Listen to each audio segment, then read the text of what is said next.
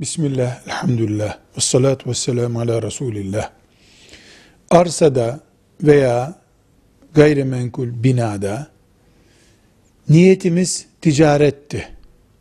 Sonra baktık ki bu ticaret bize kar getirmeyecek. Oturup kullanmaya karar verdik.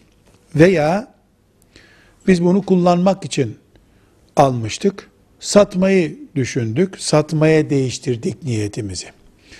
Bu niyet değiştirdiğimiz andan itibaren mesela oturmak için olan binamızı satmaya karar verdik. ilan çıkardık. O andan itibaren bizim için o zekat ürünüdür. Yılı dolduğunda zekatı verilecektir. Geçen sene zekatını verdik. Bu sene yani ticari maldı.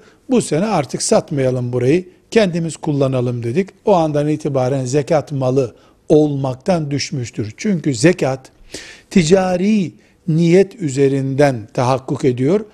Ticaret niyeti gelince zekat da geliyor. Ticaret niyeti kalkınca zekat da kalkıyor. Şöyle bir soru e, sormamızın bir anlamı yoktur. Yani Müslüman bir insan zekattan kıvırmak için, zekat vermemek için ben bunu kullanacağım dese e, zekata iki ay kala böyle bir şey Müslüman yapmaz diye düşünürüz. Velhamdülillahi Rabbil Alemin.